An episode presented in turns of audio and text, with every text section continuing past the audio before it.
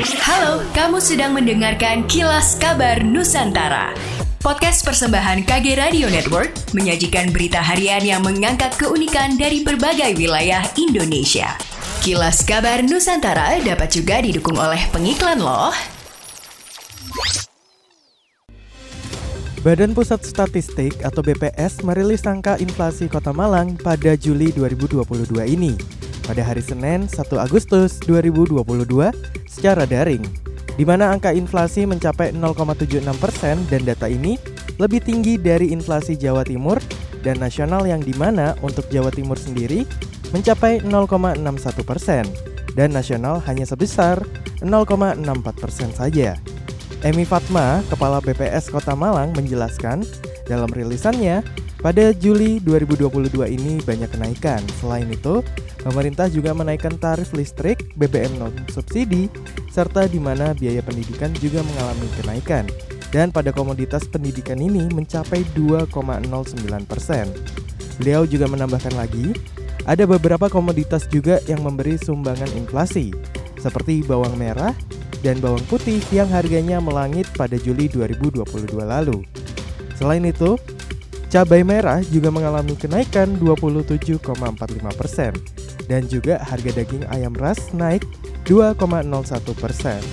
Tapi sedangkan komoditas penyumbang deflasi adalah harga minyak goreng yang turun, yaitu turunnya hingga 8,2% dan komoditas yang ikut turun lainnya adalah sayur bayam, emas perhiasan, ikan mujair, anggur, nangka muda, beras, pisang, dan udang basah. Sobat Medio, butuh informasi seputar bisnis dan sedang kembangin UMKM? Podcast Smart Inspiration hadir untuk membantu kamu yang sedang merintis maupun menjalankan bisnis lewat berbagai tips dan pengetahuan dari para ahli. Persembahan Media Podcast Network by KG Media hanya di Spotify. Sonora Update. Industri pariwisata berangsur-angsur pulih yang ditandai dengan kunjungan wisatawan mancanegara dan tingkat okupansi kamar hotel yang terus meningkat sejak April 2022. Mobilitas sosial yang semakin melonggar diikuti penanganan pandemi COVID-19 semakin terkendali menjadi faktor utama yang mendukung Kepala Badan Pusat Statistik BPS Margo Yuwono mengatakan jumlah kunjungan wisatawan mancanegara atau Wisman ke Indonesia melalui pintu masuk utama pada Juni 2022 sebanyak 345 ribu kunjungan naik tajam dibandingkan dengan Juni 2021. Badan Narkotika Nasional Provinsi Sulawesi Utara mengajak kalangan pendidik untuk berperan aktif dalam mencegah penyebaran narkotika di lingkungan sekolah. Salah satu upaya yang dilakukan BNNP Sulut adalah merekrut relawan untuk menjadi Satgas Anti Narkotika.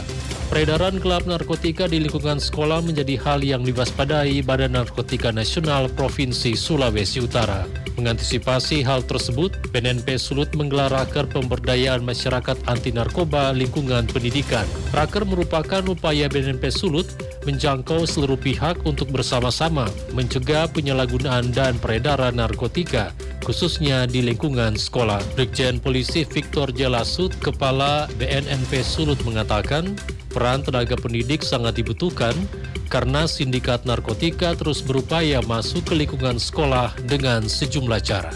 Melalui raker, BNNP Sulut berharap para tenaga pendidik bisa terlibat aktif mencegah terjadinya peredaran gelap narkotika di sekolah.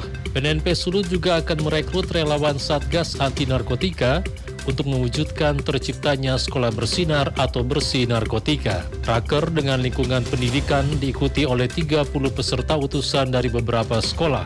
Dalam raker, peserta mendapatkan materi dari komunitas anti narkotika dan Dinas Pendidikan Daerah Sulawesi Utara. Demikianlah kilas kabar Nusantara malam ini.